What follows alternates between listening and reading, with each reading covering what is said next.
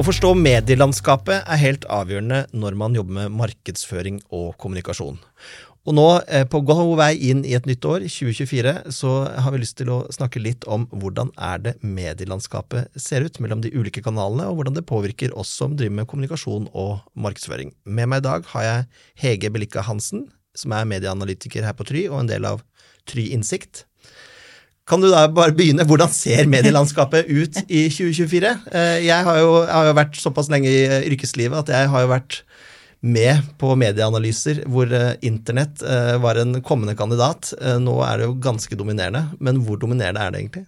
Internett er jo, som de fleste i hvert fall i vår bransje har fått med seg, det som dominerer mediebruken vår mest, og for alle målgrupper og aldersgrupper. Um, og man ser jo spesielt da siden de siste 15 årene at uh, bruken og antall minutter vi bruker på internett hver dag, går kun oppover. Til og med Altså, det er ikke noe som tilsier at den bruken stagnerer heller. Den øker og øker og øker, i takt med f.eks. videomedier og lydmedier. Det er de tre som øker, men så ser vi at tradisjonelle medier som TV og hjemme-PC og avis og lignende, det går nedover. Så vi ser jo en tydelig indikasjon på hva folk velger å bruke, og det er jo digitale medier. Og så er det jo eh, alltid spennende når man ser på mediebruk, er å se generasjonsskiller, for det er jo ganske dramatiske, de funnene eh, du har. Ja. Det, sånn generelt sett så ser vi jo at det er tydelig at de under 50 år er overrepresentert blant bruken av digitale medier pluss kino og reklame, litt sånn typiske nisjemedier, mens de over 50 er generelt overrepresentert i bruk av tradisjonelle medier. Og da ser vi at jo yngre de er, jo mer digitale er medievannene, og jo eldre de er, jo mer tradisjonelle er medievannene deres. Så da ser vi jo at prosentandelene som leser papiravis, som ser på TV og papirmagasiner og hører på radio, den øker og øker i prosentandel andel jo eldre man blir. Men eh, hva har dette hvordan eh, Vet man noe om hvordan man oppdaterer seg på f.eks. nyheter? Eh, er det stort generasjonsskille der også? Det er det definitivt, men der ser vi jo Generelt sett så er det de aller yngste som skiller seg mest ut der. Det er da de under 29 år, er greit å kategorisere de som. Um, så det er de som er Gen Z og bitte litt eldre. Um, men vi ser jo at de i veldig stor grad oppsøker nyheter gjennom sosiale medier, der hvor de andre målgruppene eller aldersgruppene skiller seg litt mer ut um, i form av grad at de bruker for, for, det meste nettaviser, da. Der ser vi at det er gjerne de som er mellom 40 og 60. Uh, de er de som bruker nettaviser mest, og de er overrepresentert i bruk av nettaviser, mens de yngre f.eks. de oppdaterer seg på nyheter gjennom sosiale medier. F.eks. VG er veldig gode på nyheter gjennom Snapchat, som også er den sosiale medieplattformen som er hyppigst brukt blant de unge. Eh, og vi ser jo også det at det påvirker også hvilket forhold de har til nyheter. For de unge er veldig bevisste på det at de vet det er mye misinformasjon på sosiale medier, selv om de henter nyhetene sine derifra, som også påvirker at de ikke nødvendigvis stoler så veldig mye på det de ser heller. Men det er jo litt viktig, for det er jo en bekymring mange har, nettopp at hvis da sosiale medier er den viktigste kilden, eh, så er, det da, er jo det litt skummelt hvis det er mye fake news. Men det har jo da redaksjonelle medier som har en plass på sosiale medier, er da, blir oppfattet som en mer troverdig nyhetskilde enn andre type kilder? Ja, absolutt. Det som er viktig å påpeke akkurat her, er at vi ser at norske redaktørstyrte medier, det er den nyhetskilden som har høyest tillit i befolkningen i Norge generelt sett, og det gjelder også blant de unge. Det er mer sånn det store mediebildet på sosiale medier som helhet de ikke nødvendigvis har tillit til. Men det er jo ikke mange år siden at man hadde noen sånne type Kall det sant? at man så på Skavlan, eller uh, hadde Alle så på Dagsrevyen, uh, og noen sånne type åpenbare felles, felles, ting man kunne i hvert fall snakke sammen om på tvers av generasjoner. Har de forsvunnet litt når man ser på mediebildet? Nei, det vil jeg jo ikke si. Altså, vi ser jo at mange ser på TV den dag i dag, men de får jo litt nye TV-tittingvaner pga. streaming. Um, men vi ser jo også det at veldig mange abonnerer på flere streamingtjenester. Så det er jo bare det at TV-tittingen har uh, utviklet seg. Og nå er det jo kanskje sånn at gullrekka har kanskje blitt litt erstattet av f.eks. Uh, de mest populære Netflix-seriene. Uh, ikke at vi har håndfaste tall på det, men vi ser jo det at streaming definitivt er en stor konkurrent til TV-titting. Det er ikke bare i Norge, men også internasjonalt så ser man jo at f.eks. amerikansk fotball blir truet veldig av streamingtjenester. Og det er jo spesielt nå i etterkant av Superbowl så har jo det vært ganske, ganske heftige eh, diskusjoner når det kommer til sportsmarkedet i USA, hvordan det skal utvikle seg med tanke på streaming. Mm.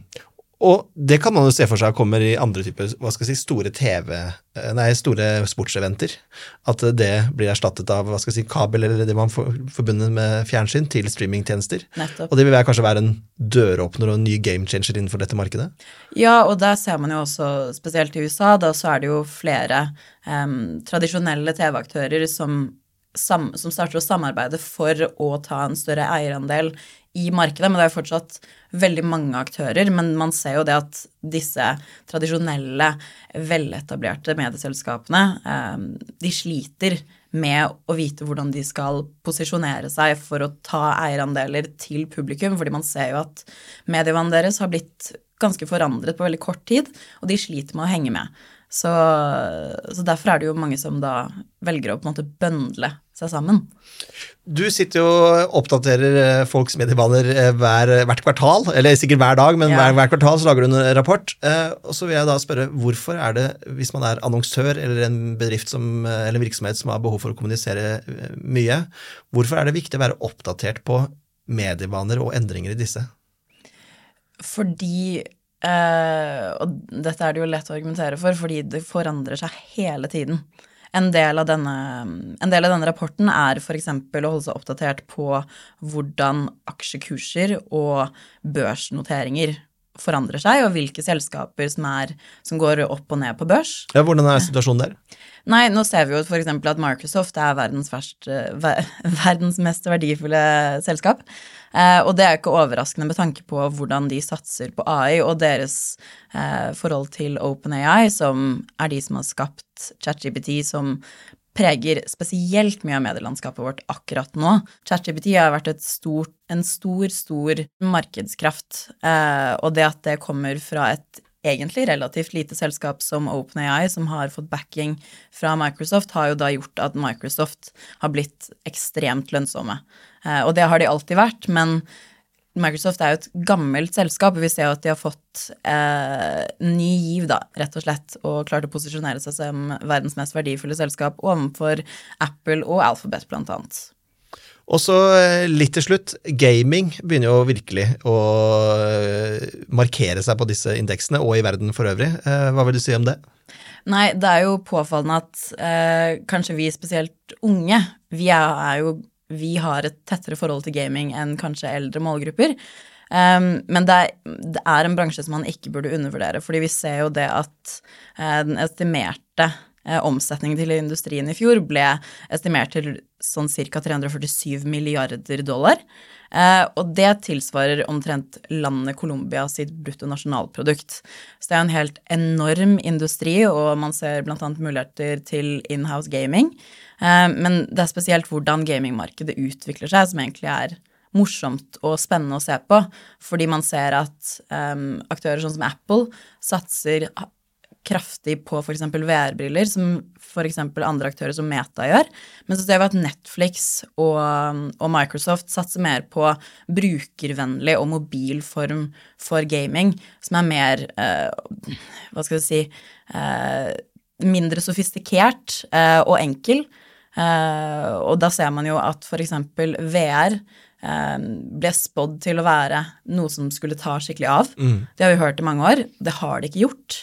Um, og jeg tror virkelig 2024 blir år hvor man ser hvorvidt konsumenter faktisk har lyst på en enkel og mobil gaminghverdag eller en sofistikert en. Og for øyeblikket så ser det ikke så veldig positivt, positivt ut for Meta eller Apple. Men forklar meg inhouse gaming. Ja, eller man ser nye muligheter for at man kan annonsere ja. på gamingplattformer eh, og gjennom gamingaktører. Og det er også et marked som spesielt på verdensbasis vokser og vokser og vokser. Um, og det, det er definitivt noe som våre kunder også burde vurdere. Tusen takk for at du kom, Hege. Alltid nyttig å høre om medielandskapet i endring.